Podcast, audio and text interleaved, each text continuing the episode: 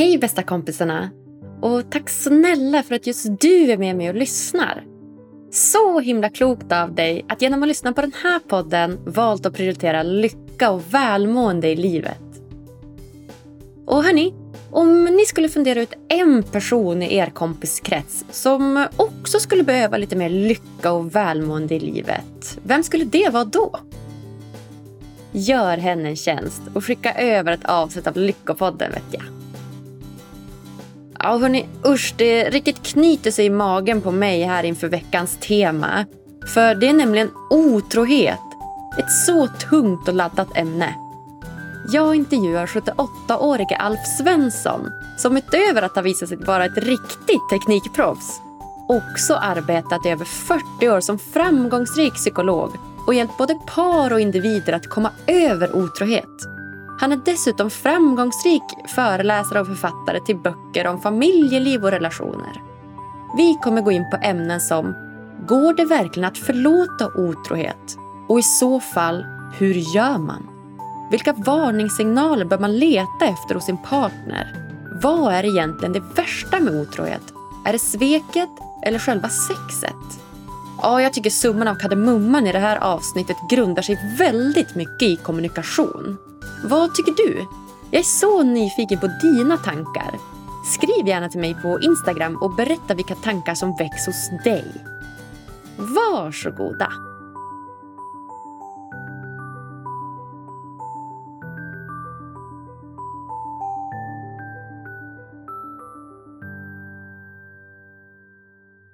Då säger jag varmt, varmt välkommen till veckans gäst, Alf Svensson. Tack så mycket för det. Wow, Alf! Vi var inne på det lite här tidigare, men jag måste ge dig extremt beröm. Du är 78 år och det är som att du aldrig gjort annat än hållit på med teknik. Det var en viss överdrift, men ändå jag tar till mig det. ja, det tycker jag du ska göra. Ja. Det är nästan så att vi har åldersrekord i, i podden idag faktiskt. Ja, och det är roligt att få vara med nu för jag har aldrig varit så klok och erfaren som nu. Det gäller bara att komma ihåg min livserfarenhet. exakt, exakt. Och det, det var en anledning till att jag bjöd in dig också. Det är för att jag har stött på ditt, ditt namn några gånger i, i psykologisammanhang. Och då tänker jag att ja, 78 år, han, han besitter livserfarenhet. Ja, det måste man nog säga. Ja. Jag hade faktiskt en, en kollega till dig kan man säga som var med i podden i avsnitt 123 som hette Bodil Jönsson. Är det någon du känner till? Ja, det är hon som talar om tiden. Exakt! Hon var också väldigt, väldigt inspirerande, också eh, 78 år, men väldigt så där, pigg och, och, positiv och ville, ville lära sig mycket. Så att vi, vi pratade om tid kopplat till lycka och hur man ska förhålla sig till tid för att bli lycklig och så jag har varit på samma föreläsning som hon eller föreläst efter varandra. Det enda jag minns av henne, hon pratade om robotar inom äldreomsorgen. Och då sa hon, jag blir hellre torkad av en robot i ändan än av en ung kille. Jaha. Så det är mitt minne av henne. ja, hon var cool tycker jag. Ja. Ja, nej, idag Alf, då ska vi prata om ett ämne som inte är lika roligt. Det nästan knyter sig i magen på mig när, när vi ska prata om det här faktiskt. Och eh, det är något som klassas som bland det värsta man kan göra mot sin partner då, nämligen att vara otrogen. Ja, många säger det, det hade varit lättare om han eller hon hade dött. Det värre att han eller hon har varit otrogen. För det är både saknad och så är det ett svek också. Eller hur? Jag kan verkligen tänka mig det. Jag kan verkligen ja. tänka mig det. det Ja, jag känner hur det liksom, jag nästan får en så bubblande svart eh, känsla inom mig bara så fort jag ens nämner det. Så det, det är väl, jag känner att det är väldigt laddat för mig också. Alltså. Ja, ja. Vi kommer att prata om det ämnet då och vi kommer att gå in på ämnen som går att förlåta otrohet och om det går, hur gör man? Vilka varningssignaler bör man leta efter? Och, och vad är egentligen det, det värsta med otrohet? Men men först, om vi ska börja med att definiera det här med otrohet. Vad, vad är egentligen otrohet? Ja, där har ju olika människor olika definitioner. Att, att ha sex med någon eller att hångla ganska grovt, det tycker väl alla är otrohet. När det gäller det här med att kolla på porr på nätet, som betydligt fler män än kvinnor gör. En del män tycker inte det är otrohet, men nästan alla kvinnor jag har haft kontakt med tycker det är otrohet om han sitter ensam på nätterna och kollar på porr. Att kyssas tycker väl kanske många är otrohet, men att ge en puss och en kram tycker väl de flesta inte är en otrohet. Sen finns ju det man kan kalla för känslomässig otrohet om man träffar någon, om jag träffar en annan kvinna bakom ryggen på min fru. Vi, vi har inte sex, vi hånglar inte men jag kanske öppnar mig mer för henne och vi har förtroliga och nära samtal utan att min fru vet om det. det. Det tycker jag är en slags känslomässig otrohet. Vad är otrohet? Jag tycker den bästa definitionen är att om jag gör någonting med en annan kvinna som min fru inte skulle gilla om hon var närvarande och såg och hörde det. Det tycker jag är en bra definition av otrohet. Så därför behöver man som par kanske prata om vad är otrohet för oss, så får man respektera den andras upplevelse. Ja, men det var väldigt bra. Som du säger, det, vart går gränsen egentligen? Är det en kyss, är det en kram, är det flörtande, är det att faktiskt ha sex med någon annan eller, ja. eller vart går gränsen? Så det är väl steg nummer ett då med sin partner att, att prata om vad otrohet ja, precis, är. Precis. Mm, just det. Hur, hur många år är det du har jobbat som psykolog, Alf? Jag har jobbat som psykolog i mer än 40 år och det mesta har jag jobbat som skolpsykolog. Då. Jag har träffat och undersökt mer än 5000 barn som jag har stött på de flesta problem som föräldrar och lärare kan ha med barn. Sen har jag under många år varit ute och föreläst eh, om det här med föräldraskap och samlevnad. Och jag, jag räknade ut att jag har nog föreläst för mer än 100 000 personer under de här 30-40 åren jag har hållit på, så det, det, är ganska många. Sen har jag varit gift i 50 år med, med min fru och det, det tycker jag är en prestation av henne för att eh, de yrkesgrupper som skiljer sig mest är bland annat psykologer och författare och jag är båda delarna. Det visste hon inte när jag friade till henne att hon aldrig vågat ge sig in på ett sådant högriskprojekt. Nej, exakt. Vet hon om det idag då? Ja, oh ja, det vet hon. Och upptäckte att det inte, det, det inte, det inte går inte på en räls bara för att man gifter sig med psykolog. Nej, nej men verkligen. Det, det, det förstår jag faktiskt. Vi är ju alla människor ändå i slutändan. Ja, Man är mer psykolog på jobbet och mer människa hemma. Visst, visst. Så är det. Jag kan också känna det. Jag är mer lyckoexpert på, på jobbet då än vad jag är hemma. ja, precis. Ja, nej, herregud. Jag, jag förstår. Bedrift av henne och säkert också bedrift av dig att ni har lyckats hålla ihop så himla länge. Och wow, vilken som sagt erfarenhet du har efter 40 år i branschen. Ja, de tuffaste perioderna i ett parförhållande är de första 10-15 åren. Sen, sen blir det som regel lite lättare. Just det. Ja, men det är bra. Jag är inne på mitt andra år med min pojkvän, så vi har åtta år kvar då. ja. ja, nej, gud, otrohet då. Det klassas ju som något av det värsta man kan, man kan göra mot sin partner. Och varför är det det värsta man kan göra mot en annan människa? Är det liksom sexet i sig som är värst eller är det liksom själva sveket att man har sagt att man inte ska ha sex med någon annan? Ja, det är, nog, det är väl båda delarna och eh, flera kvinnor har sagt till mig när de fick reda på att mannen var otrogen att det värsta var inte att han hade sex med henne. Det värsta var att han ljög för mig när jag sa, när jag frågade om det är någon annan. Och då sa nej det är ingen annan. Hur ska jag kunna lita på honom då när han ljög? Så lögnerna ställer till väldigt mycket bekymmer också. Ja, men verkligen. Det känner jag. att så här, lögnen, Jag kan tänka mig om någon hade varit otrogen mot mig då hade nog, då hade nog lögnen varit det värsta faktiskt. Alltså, nu, nu kan jag tänka mig att så här, man kan få attraktion. Känna, om man har en partner kan jag ändå förstå att man kan känna en slags attraktion till en annan oh ja, person. Oh ja, oh ja. Och Det är ju liksom naturligt och vi är ju mänskliga. Men att själva handlingen då, och att inte säga det, då är det bättre att man säger det till sin partner. Så här, vet du vad? Det här kommer vara skitjobbigt att, att höra kanske för dig men jag vill vara ärlig och berätta att nu känner jag för att jag skulle vilja ha sex med den här personen en gång. Alltså att man får en dialog. Och, och det är bättre, om man har varit otrogen så är det mycket bättre att man berättar det själv än att partnern får reda på det bakvägen. Det kan jag tänka mig. Alltså ja. Det måste ju vara riktigt jobbigt. Att man blir bedragen och dessutom att den personen ljuger om det och att det dessutom kommer fram från någon annan. Alltså precis, det måste ju vara precis. det värsta ja, typet av... Verkligen, verkligen. Ja. Ja, fy.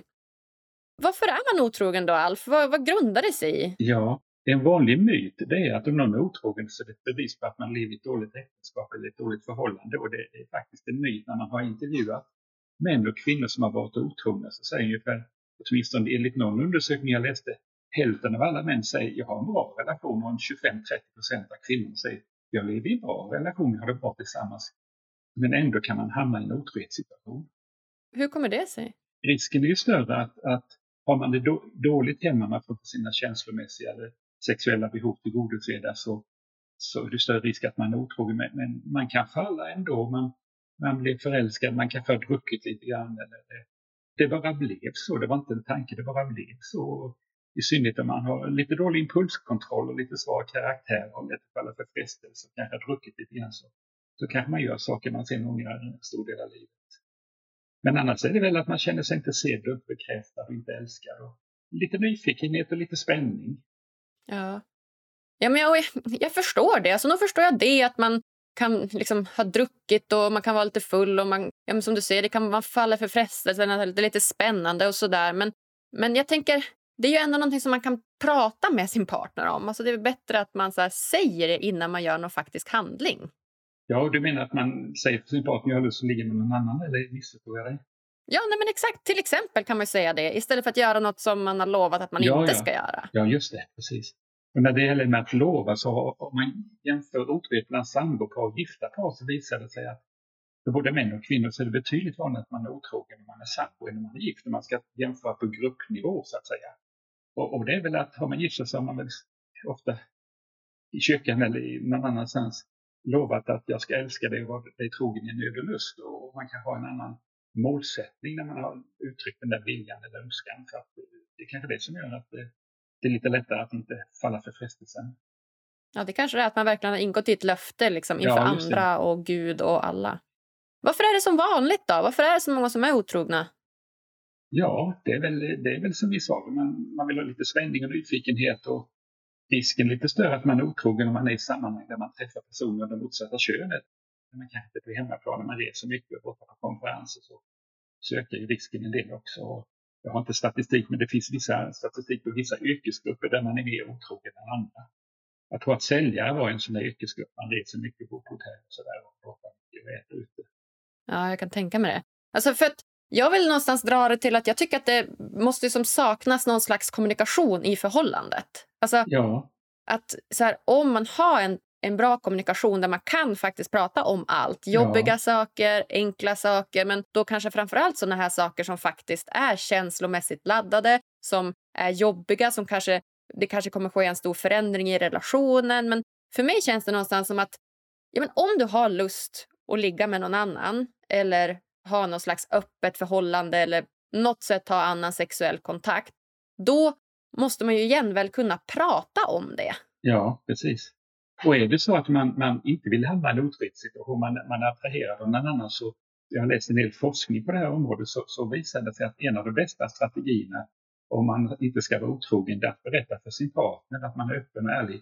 Jag känner en stark attraktion till den mannen eller till den kvinnan. Att man lyfter upp på bordet, inget hemlighetsmakeri. Och så Exakt. försöker man hitta en strategi att bryta den här relationen. För att det, det går inte att sätta stopp när man väl hamnat i sängen. Då drabbas ju alla män och de flesta kvinnor av hjärnsläpp. Alla löften och, och tanke på konsekvenser far all världens väg och lusten tar över. Så att eh, man måste hitta en strategi att stämma i Otrohet börjar inte i sängen, det börjar ofta långt tidigare. Ja visst, det börjar långt tidigare. När, när började det då skulle du säga? Ja, enligt den erfarenhet jag har nu på senare år så börjar det ofta på sociala medier. Man har kontakter på sociala medier. Man smsar och, och, och facetimar och, och sådana saker och sen så kanske man träffas med i verkligheten. Så nu har jag ett begränsat urval av de som kontaktar mig men ofta börjar det på sociala medier. Inte så sällan om det är en tillfällighet på gym, man träffar någon på gymmet. Annars är det rätt vanligt att man träffar någon på jobbet också. Ja, men det är det jag menar. att Då ses man träffar någon på sociala medier eller gymmet eller jobbet. Då har man ju oftast liksom en kontakt med den innan. Att så här, man börjar prata lite grann, man kanske flörtar lite grann. Och speciellt på jobbet då, där man träffas naturligt. Du vet, Ja, visst, åtta precis. timmar om dagen, fem dagar i veckan. Och det är väl därför jag menar att om du har en sån slags otrohet, alltså där du verkligen, där det inte bara var ett så här fyllelig liksom en kväll grej, utan en otrohet som faktiskt har varit över tid, då är det ju någon slags bristande kommunikation som måste Oh ligga ja. till grund. Oh ja, Ja. Visst är det. Visst är det. Just det. Just det. Vilken otrohet är vanligast? Är det den här som sker över tid eller är det det här kanske snabba fylleligget? Jag vet inte. Jag vet bara att det här snabba ligget är lätt att förlåta än, än en otrohet som hållit på bakom ryggen i, i lång tid. Mm, det kan man ju faktiskt förstå. Ja, verkligen. Sen är det så att, att om man upptäcker otrohet eller om otrohet förekommer senare i en relation, man har varit ihop i många år, kanske barn och många gemensamma, men gemensamt liv så, så är, är det lättare att reparera relationen. Otrohet i, i en ung relation där man inte varit ihop så länge, det leder i större utsträckning att man delar på sig. Kan det vara då liksom barn och hus och sånt som håller den ihop fortfarande ja, kanske? precis. Ja. Att man ändå haft ett stort, stor del av livet ihop så att säga. Då är det lättare att förlåta. Ja, jag förstår. Jag förstår.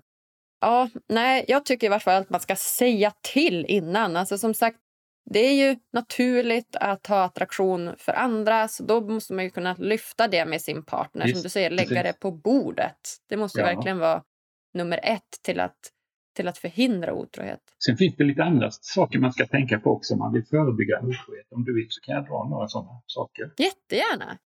En sån här sak det är att om man öppnar sig mer för en person av det motsatta könet, som inte är terapeut eller så, att man öppnar sig mer för någon av det motsatta könet om sina tankar, drömmar, farhågor, rädslor, mer än man gör för sin partner, då är man ute på hal is. Det är ett sånt där riskbeteende om man öppnar sig mer för någon av det motsatta könet än man gör för sin partner.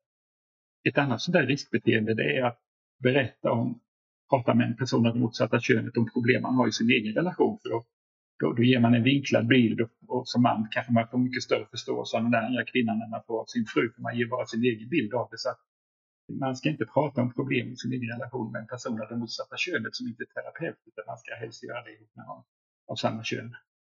För en sån där vänskapsrelation som det ofta blir som fördjupas när man delar det här och får större förståelse. Det, det är inte ovanligt att det leder till en kärleksrelation när man hamnar i säng förr eller senare, fast det inte alls var tanken från början. Just det. Exakt, för att man upplever någon slags mer förståelse från den här Ja. personen då. Oh, att ja. den hör och ser en. Ja. Just det. Det är jättebra. Har du några fler sådana förebyggande tips? ja, det var väl det vi har tangerat lite grann. Att sätta stopp i sängen, det gäller att sätta stopp tidigt. Ju, ju längre man går, desto svårare är det att sätta stopp och desto mer jobbigt är det att berätta. Har, har det inte hänt så mycket så det är lätt att berätta få förlåtelse för den om det har gått väldigt långt.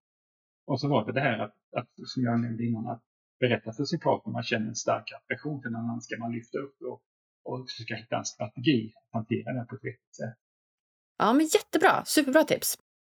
Och en annan sak som jag skulle vilja gå in på det är ju att det är ju väldigt vanligt idag också i parrelationer att man känner ganska stark svartsjuka och konkurrens av det andra könet ja. Och, och liknande. Och, och vissa fall är det befogat och många fall är det obefogat. Men Ja. finns det några slags anledningar till att liksom misstänka otrohet i sin relation? Ja, det måste ju inte vara otrohet, men det finns vissa, vissa tecken om, om personen eh, börjar jobba över mer, eh, eh, borta hemifrån i mycket större utsträckning. Om personen eh, är inne mer på sociala medier och just när, när, när man kommer i närheten så, så avslutas eh, det här smset eller de har fått samtal och så hänt flera gånger, ah, det var någon som ringde fel, och det kanske den här älskade älskarinnan som ringer och sen partner i närheten, då säger man istället att, eh, att det var någon som ringde fel. Man vågar inte lägga ifrån sig mobilen om man inte har något lösenord så att den andra kan komma upp och kolla vad man har för kontakter där. En annan sak är om man, om man börjar bli ännu mer intresserad av sitt utseende, byter klädstil, börjar, börjar träna mer för att vara, vara mer attraktiv. Det måste ju inte vara ett tecken på det här, men det, det kan vara det. Också om man kommer på att partnern kommer med lite lögner, kommer med förklaringar som verkar långsökta när man ställer frågor. Jag ringde dig på jobbet men du var inte där. Så får man lite långsökta förklaringar. Det är några sådana saker. Ibland är det också så att eh, om personen är mindre intresserad av intimitet och sex eh, kan det vara tecken. Men sen finns det en del som har berättat att de varit otrogna. Sen kommer de hem och har sex med sin partner också. Inte alls mindre lust utan ibland mer lust. Så att det, det kan gå åt det hållet också. Det verkar lite konstigt. Så kan det vara. Just det, just det. Så det är svårt det där med sexlusten. Att antingen då så, så när man har sex med andra att man då kanske mer bara dras till den andra och inte Ja. vill ha sex med sin partner. Eller att det blir tvärtom, att man Ja. kanske får mer lust och vill ha mer sex med sin Ja. partner. Det vanligaste är väl det första alternativet att lusten blir mindre intimitet. Just det. Men det här med mobilen då? För det, det är ju en sån sak som jag vet eh, kan ställa till det för många. Att hur, hur privat ska man få ha sin telefon gentemot sin partner? Ska man vara liksom helt öppen att så här, oh, du får läsa alla mina sms, sms och alla mina meddelanden på sociala medier? Eller ska man kunna ha någon slags eh, privacy där? Vad tycker du? Jag tycker nog mest att det, det ska nog varje, varje par avgöra själv vad, vad de tycker. Jag och min fru vi skulle nog eh, ha, ha en stor öppenhet där. Jag säger inte att det måste vara så som vi skulle kunna tänkas ha det. Men eh, jag tycker varje par det själv vad som, vad som känns mest rätt för dem. Sen, sen är frågan om, om det är rätt om man misstänker otrohet att man, man går in och kollar den andras mobil så att säga i hemlighet. Det är inte så schysst precis. Nej, exakt. Man ska inte göra det hemlighet. Man måste ju igen då vara ärlig. Det handlar väl om allt egentligen. Så man kommer tillbaka till Ja. den ärligheten. Ja, att, verkligen. verkligen.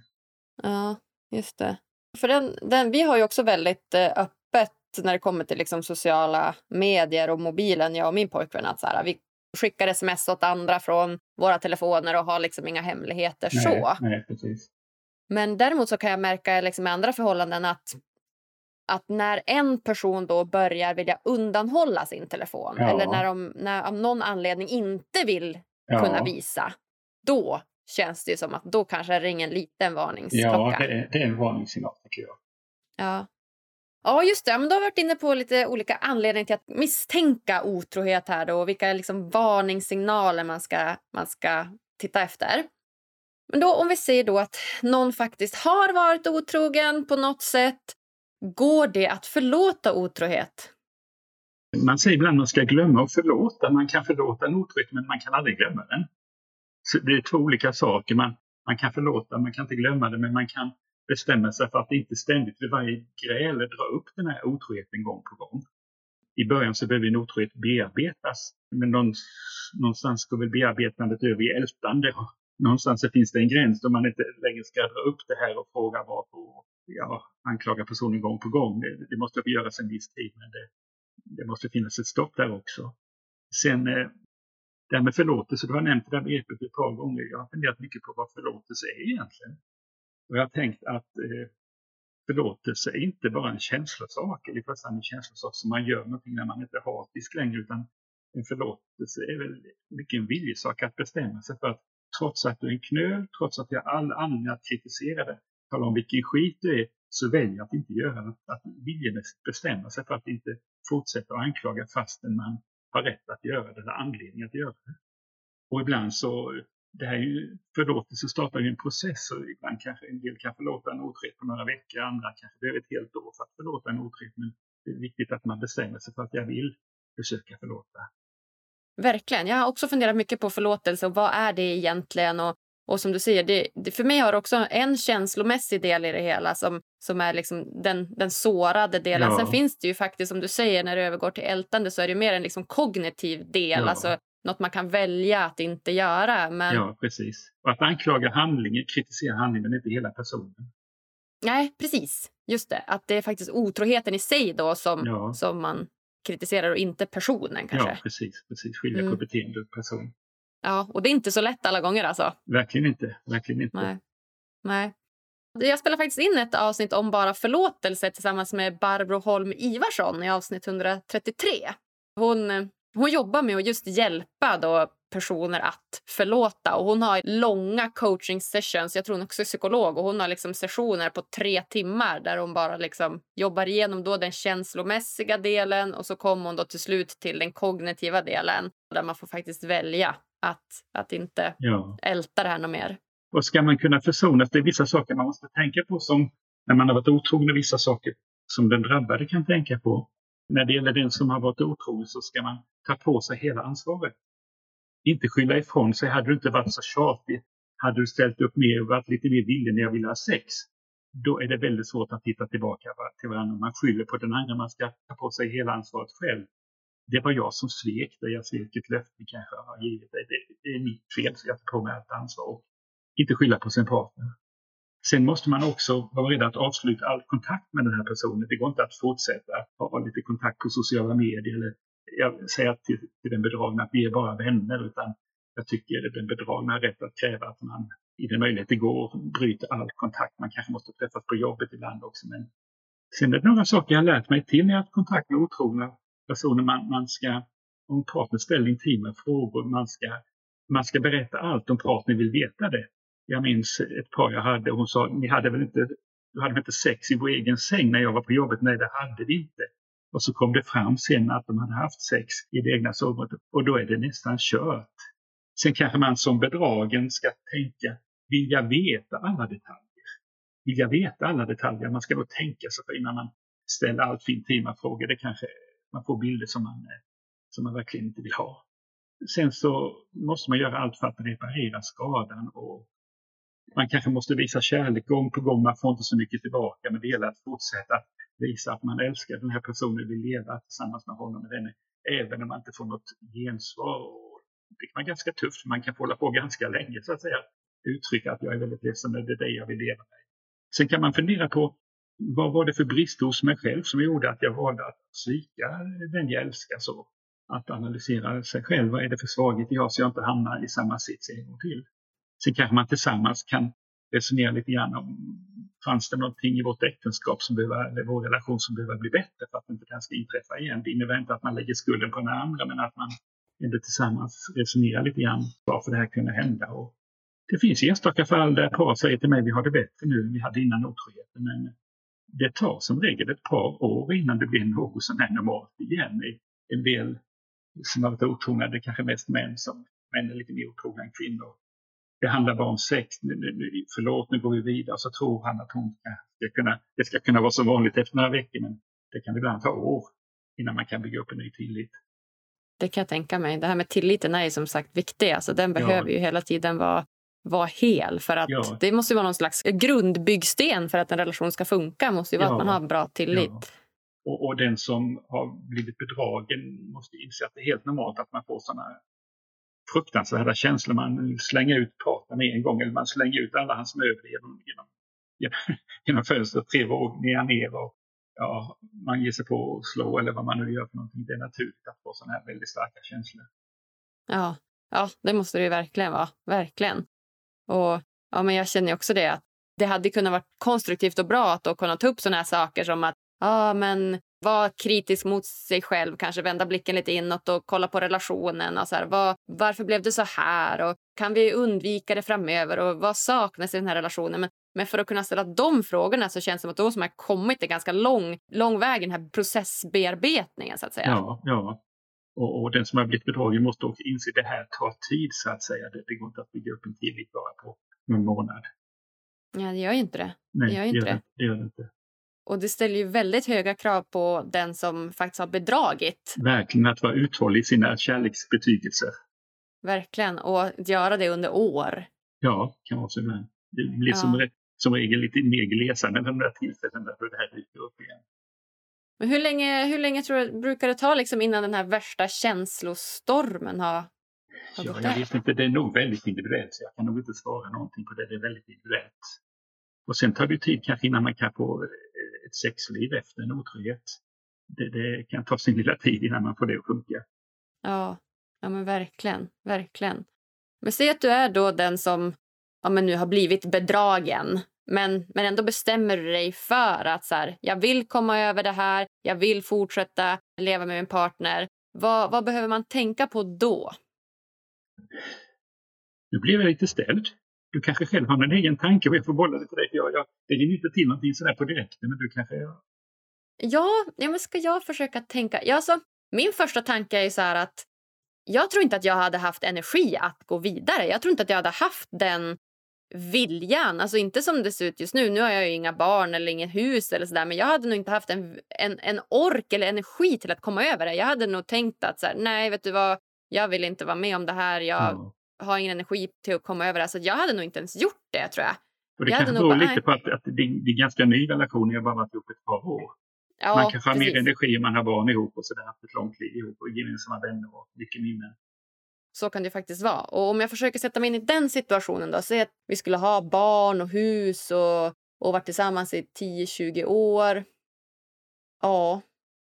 Ja, nej, men om jag verkligen, verkligen hade velat så hade jag väl ja, hade ställt jävligt höga krav på min partner i form av att den, den liksom behöver, ja, men som du säger, ta på sig hela den här skulden, avsluta all kontakt, kanske liksom ringa den personen jag hör eller mm. någonting och verkligen mm. berätta och liksom vara hur 100% mm. öppen. Men, men det här såret, att läka tillitssåret, mm. det, alltså jag vet inte. Jag tycker, och jag, tycker, jag tycker inte det är höga krav du ställer då, utan det, det är rimliga krav. Jag tycker det är högst ja. rimligt att ställa sådana krav. Det är inte överkrav, utan det är rimliga krav.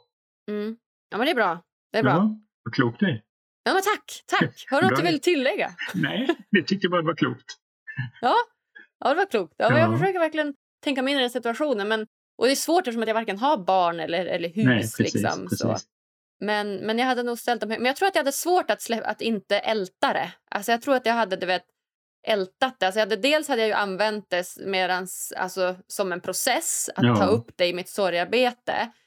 Men sen se, men se om det går typ tio år till. Alltså jag vet inte, jag hade nog fortfarande kunnat älta det tror jag. Och säga, ja. men du då, det här du gjorde. Alltså Det, det, ja. Eller så kanske man kunde göra så här, att säga, okej, okay, men nu får jag vara otrogen mot dig en gång. Ja, man säger att händen är ljuv, men jag är inte säker på att den är så ljuv. Det kanske inte är det? Sikt, nej, jag är inte säker. En del är otrogna för att hämnas, men jag är inte säker på att det, det, det, känns så bra en tid efteråt. Okej, okay, det är så alltså? Ja, det känns, känns bra just då, men jag är inte säker på att det känns bra efteråt. Nej, nej det är den. Nej, inte om man gör det i liksom hämndsyfte, tänker jag. Men nej. om man får ha liksom ett frikort kanske. Att ja, så här, ja, ja, precis. nu har jag ett frikort här i framtiden, då kommer jag få ligga med vem jag vill och du får inte lämna mig. ja, ja, man kan ju en sån överenskommelse också kanske. Nej, men, jag... men sen, tror jag man ska tänka att, att eh, man kanske bestämmer sig för att jag vill försöka förlåta dig. Men sen kanske man måste inse innan man kan förlåta av hela hjärtat. Det, det tar väldigt lång tid. Det kan ta väldigt lång tid. Och om man ska låta det ta den tiden, det går inte att förlåta av hela hjärtat med en gång utan det, det tar sin tid och man kanske ska vara medveten om det normalt att det tar sin tid. Man ska nog bara tänka på att det är naturligt att det är starka känslor. Man kommer aldrig att kunna glömma det, men man kanske kan bestämma sig för att inte dra upp det här, använda det som vapen och tillhygge i alla grejer. Ja, när man, när man har kommit längre i den här sorgbearbetningen och kommer mer till den kognitiva processen, att man tänker på att inte ta upp det ja, hela tiden. Precis, precis. Ja. Och vi har varit inne på det lite grann, men jag tänker om vi ska pinpointa lite här då. Om man, om man är den som bedragit och verkligen ångrar sig och vill ha tillbaka sin partner, vad, vad behöver den göra då? Det var att ta på sig hela ansvaret, avbryta all kontakt, berätta allt och tydligt visa att man ångrar sig och fortsätta att visa kärlek fast man inte får så mycket tillbaka just då. Och där känner jag så här, oftast säger att man är miss, eller otrogen med någon på grund av att man är missnöjd med relationen. Då känns det inte som att den personen har så mycket kraft över att så här, ge så mycket till relationen. Nej, alltså nej. man säger så här, den är missnöjd med relationen, Ja. därför är den otrogen. Ja. Då är det som att vart ska den då få energi att liksom ge ja, mer precis, kärlek precis, till relationen? precis. Liksom? Då är det inte lätt så att säga. Då, då kan det vara så att det här är ett första steg till att avsluta relationen. Och många separationer beror på otrohet hos någon.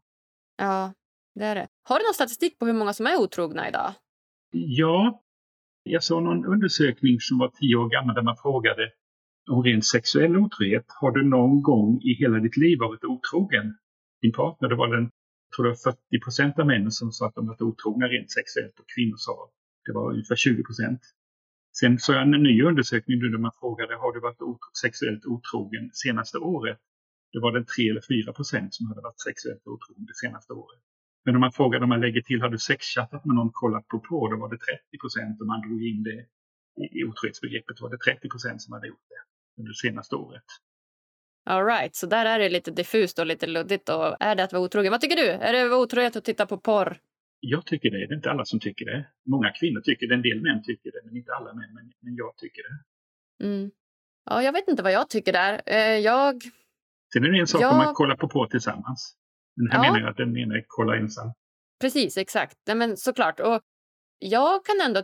Alltså, det beror på som du säger, hur mycket sexlust man har kvar till sin partner. Om det är så att man kollar på porr som ett alternativ, alltså ett, istället för att ha sex med sin partner, Ja, då, det. då kanske det är någon slags liksom, otrohet. Men om man gör det typ som ett komplement, dels att man gör det tillsammans eller om man gör det själv. Ibland Ja. kanske man vill ha sex med sig själv och kolla på porr. Mm. Så tycker jag att det måste ju få vara, få vara okej. Mm. Om partnern tycker det är okej, för det, det är ju definitionen, man får bara res- respektera vad den andra upplever. Tycker den andra att det är otrohet så, så får man respektera det tycker jag. Ja, det är faktiskt sant. Det handlar ju om att man är, att man är överens om det. Ja, Ja. precis. Jag vet inte om vi har pratat om det i vår relation, det här med att kolla på porr enskilt. Men vi Nej. kanske får göra det, så vi överens vad vi, vad vi tycker. Ja, precis. precis. Det här eh, uttrycket då, en gång otrogen, alltid otrogen, stämmer det? Nej, det gör det inte. Men eh, om man går in i en relation och vet om att den partnern har haft, kanske inte varit otrogen, men haft väldigt många förhållanden innan.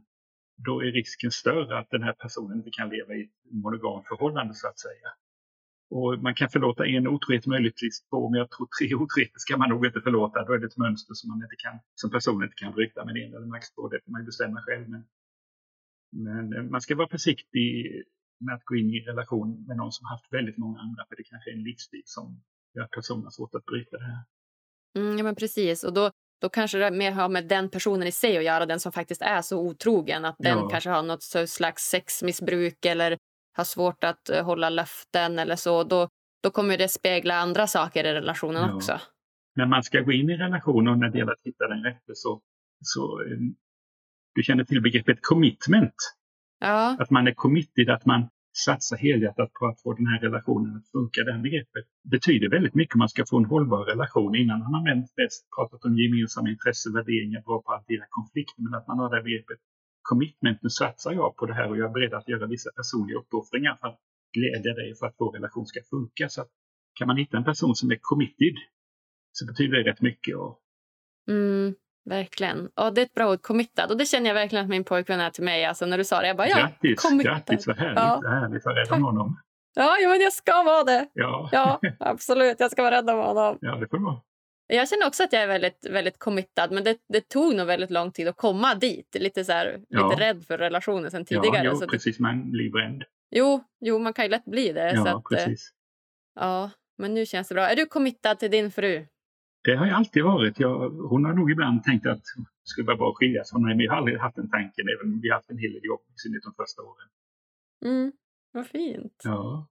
Och det där att vi var committade, att vi för för Gud och människor lova att vi ska älska varandra. Jag är inte säker på att vi hade hållit ihop utan separerat de första åren om, om inte vi hade gett det löftet så att säga. Så att ibland är det bra att ha, ha en karaktär och ett löfte och inte bara vara känslostyrd. Ja, faktiskt. Att ha någon, något, något högre som man har lovat till eller någon, ja, precis. något sånt löfte man har, han har angett. Absolut. Men kan det inte vara så också att just det här med giftermål, något som jag tycker mig se i samhället, det här kanske bara är jag, jag vet inte, men att när man gifter sig att, att man då tar det här löftet så starkt så att trots att relationen är, är dålig och, och man kanske vill lämna, att man inte gör det för att jag har ju faktiskt lovat. Ja. Du förstår. Jag har haft kontakt en del med kristna par som har lovat det här och man lever ihop med en person som har någon personlighetsstörning eller någonting. Man blir psykiskt misshandlad och barnen får inte illa. Så håller man fast i det här. Så jag får hjälpa en del kristna par att separera. Ja, det är så. Ja, oh ja. För att löftet är liksom för, för starkt på något sätt. Ja, precis. precis. Ja. ja, jag håller med. Men jag tror att, jag tror att man måste träna på kärlek. Alltså man måste lära oj, oj, sig lite ja. grann. Eller hur? Att bli förälskad är ingen konst, men att hålla kärleken levande är en konst. Och, eh, jag har faktiskt skrivit en bok som har sålts i mer än 100 000 ex om det här. Och vill du ta upp det någon gång hur man får ett förhållande funkar så kan vi gärna ta någon poddinspelning om det. För att det är ju den, de frågorna som de flesta ställer sig. Hur får man en relation att funka? Jag har ju läst rätt mycket forskning och har varit gift i 50 år som man lär sig. Försökt hjälpa en hel del par som har kris. Det får du gärna återkomma för det var en ovanligt härlig tjej att prata med tycker jag. Ja, vad kul! Ja, men jättegärna. Vad heter den boken? Den är slutsåld nu. Den heter, den heter Att hålla kärleken levande. Att hålla kärleken levande. Jag har ett par böcker som man fick göra lite reklam i podden. Var det inte så? Ja, ja absolut. Ja. Kör! Jag har skrivit en bok eh, som heter Leva älska livet ut utan att lusten tar slut. Där jag har ett 40-50-tal olika krönikor där jag praktiskt och konkret tar upp hur man får relationer fungera, hur man ger sina barn en bra självkänsla, man hjälper dem att lyckas i skolan och hur man sätter gränser. Sen skrev jag för, för ett tag sedan en bok som vände sig till tonåringar och tonårsföräldrar som handlar om sex och hur man ska prata med sina tonåringar om sex för skolans sex och samlevnadsundervisning är inte särskilt bra. Minimal. Ja, och många får sin första och sämsta sexualundervisning genom att kolla på porr på nätet. Mm. Så jag har skrivit en bok som heter Hitta någon att älska och älska den du hittar. Som vänder sig till både tonåringar och tonårsföräldrar. Det är kanske lite konstigt när man är 78 år, då kanske man skulle skriva en bok som heter Sex efter sex istället att vända sig till tonåringar och tonårsföräldrar. Men jag har upptäckt att det finns nästan ingen som jag tycker vettig bok om man pratar med sina tonåringar om sex och kärlek. Så därför skriver jag den här Hitta någon att älska, älska den du hittar. Wow, gud vilka bra tips! Jag vill läsa alla de här böckerna ju. Va? Så himla himla bra! Ja, ja. Och jag har ju hört det här på tal om sex efter 60. Jag har hört att sexlivet bara blir bättre när man blir pensionär. Stämmer det? Det jag vet det är att pensionärer idag har ett mer aktivt sexliv och mer nöjd med sitt sexliv än pensionärer var för 30-40 år sedan. Däremot visar det sig att unga vuxna, de mellan 20 och 30, man har mindre sex nu man hade tidigare. Man kollar mer på porr och man hoppar inte i säng så fort man har chansen. Man är lite mer kvalitetsmedveten. Så man, man säger nej till den här lite, stort uttrycka, slit och släng-sexualiteten. verkar vara lite mindre vanlig. Man är lite mer kvalitetsmedveten när man ska ha sex med någon. Man vill kvalitet och inte bara kvantitet. Mm -hmm. Vad fint. Det är Ja, faktiskt riktigt det. fint. Tycker det. Ja, faktiskt. Ja, men jag, jag känner ju verkligen att eh, ja, men jag som är 30 och jag har precis pluggat klart, har börjat liksom någon slags karriär. Jag har ju den här podden jag vill göra, alltså, den ska växa och jag har ett Ja. annat jobb på sidan om. Så jag kan känna att så här, livet, det rullar ju på. Det, det kan lätt bli väldigt stressigt och, Ja, och det påverkar ju verkligen sexlusten. oh ja, oh ja, man är trött och stressad. Ja, men precis. Och det känns som att samhället överlag speglar det, speglar det ganska Ja, ja. mycket. Och jag och min pojkvän har ganska mycket sex. Alltså, vi gillar ju Mm. att ha sex. Vi är väldigt här, sexuella och fysiska av oss. Ja, Jag är väldigt noga med att prioritera sex. Alltså Mm. prioritera det i livet. Jag tycker att det är liksom superviktigt. Och men, mm. men jag förstår också att så här, det är lätt att så här, livet springer på och du har, hinner inte riktigt stanna upp. Så att jag kan tänka mig så här, jag har en glorifierad bild av att vara pensionär och du vet, kanske ha en lägenhet i Spanien och vet, ha massa tid för att ha sex. ja. Jo, då, när livet lugnar ner så har man ju mer tid och, och när man frågar varför kvinnor har lust och kanske även män också, när kvinnor har lust är ju trötthet den vanligaste orsaken. Ja, just det. Mm. Och då gäller det att vila upp sig och faktiskt avsätta tid, alltså pri- prioritera sitt sexliv. Det är skitviktigt. Ja, ja. Sen när det är sexuella problem så är det ofta inte sex, sex, sexigt i sig som är problem utan det är bara ett uttryck av att man har olösta konflikter. Det verkar som att man ska generalisera lite grovt att kvinnors sexlust dalar mer än mannens lust. När, när man har olösta konflikter. En del män är lite naiva och tror att vi har sex och så gör vi det bra i sängen medan kvinnor vill ofta ha det bra innan man hamnar i sängen för att de ska känna lust. så där Mm, funkar vi precis. lite olika. Precis. Där är vi lite olika. Där har ni att lära, ni män. Det var en man som sa, ska man få en mysig fredagkväll med frun får man börja samla poäng på måndag morgon. det kanske var att ta till, men det ligger någonting i det. det ligger verkligen, verkligen någonting i det. Ja, alltså. precis. Jo, vi är ju faktiskt lite olika män och kvinnor så det gäller att förstå varandra. Ja, Alltså, det precis. är Reflektera det. Ja. Ja, verkligen. Ja, vad härligt eh, Alf. Jag tänker att eh, vi ska gå in på de tre sista frågorna här innan vi lämnar varandra idag. Jaha, vad kan det vara? Jo, den första frågan är ju då, vad gör dig lycklig? När jag kan göra min fru lycklig. Vad fint! Då blir det var det första, det kom automatiskt. När jag kan göra henne lycklig så blir jag själv lycklig. Vackert. Ja, och sen, sen är det väl när jag kan göra skillnad för folk. En del pensionärer njuter med att åka till Kanarieöarna och koppla av och spela golf. När jag kan göra nytta och göra lite skillnad, betyda något för en annan människa. Det ger då den största tillfredsställelsen i mitt liv. Vad fint, vad fint. Har du någon slags verksamhet idag eller är det 100 procent? Jag är ute och föreläser en del också. Både för tonårsföräldrar och för föräldrapar och för pensionärssamlingar också. Man har fått bra liv efter arbetslivet. Många är pensionärer i 30 år. Och hur, hur ska man göra av det livet så att det blir riktigt meningsfullt? Så det har jag börjat göra nu på gamla dagar, föreläsa för pensionärer. Kul, vad härligt. Mm. Inspirerande. Ja, men det var jättebra svar ju. Mm. Vilket är ditt bästa lyckotips? Vårda dina relationer. Och det, det, det finns ju mycket forskningsgrund för det. Det är nog det viktigaste, att man ska vårda sina relationer till sin partner, till sina barn, till sina vänner. Mm. Och, och nu under pandemin så har man väl upptäckt hur, hur viktigt det är med relationer. Även jag som inte har varit så där väldigt social. Jag har börjat prata med folk i kast i kön på ICA. Det har jag aldrig gjort innan för jag är så utsvulten. ja, men jag förstår det. Man står med kassörskan i tio minuter och bara ja, Ja. du vet, bla bla bla, la la la.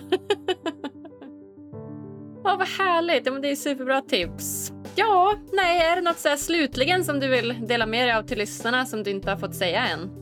Nej, det är väl bara att säga direkt till dig vilken härlig, härlig tjej det var. Roligt att prata med dig. Jag har haft intervjuer med unga människor nu. När man ser din utstrålning, det gör ju inte lyssnarna, så, så blir man inspirerad och glad. Tacksam att få vara med. Ja, vad fint Alf. Jag är så tacksam och inspirerad av dig och att du ville lära dig det här med, med tekniken. För först ska vi säga det att först när jag frågade dig då var det så här, nej, nej, det här är teknik, nej, det här vill jag inte. Och sen var det som att du bara, hmm, fast vänta nu, jag Ja. vill nog det här Ja, ändå. precis, så precis. köpte du dina Ja, hörlurar och micken och sådär. Så att jag är väldigt imponerad. Så jag, jag tar till mig, tack snälla och detsamma till dig. Ja, tack för att jag fick vara med. Tack själv!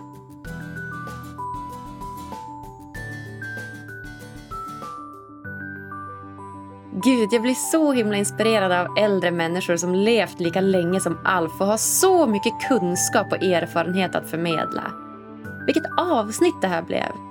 Otrohet, förlåtelse, relationer, ja, wow! Riktigt tunga ämnen. Och hörni, tycker ni det här var lika bra som jag? Då hade jag blivit så glad om ni vill gå in på iTunes eller Podcaster och klicka i prenumerera-knappen. Följ oss gärna på sociala medier. Lyckopodden heter vi där. Hörs på tisdag igen. Puss puss puss!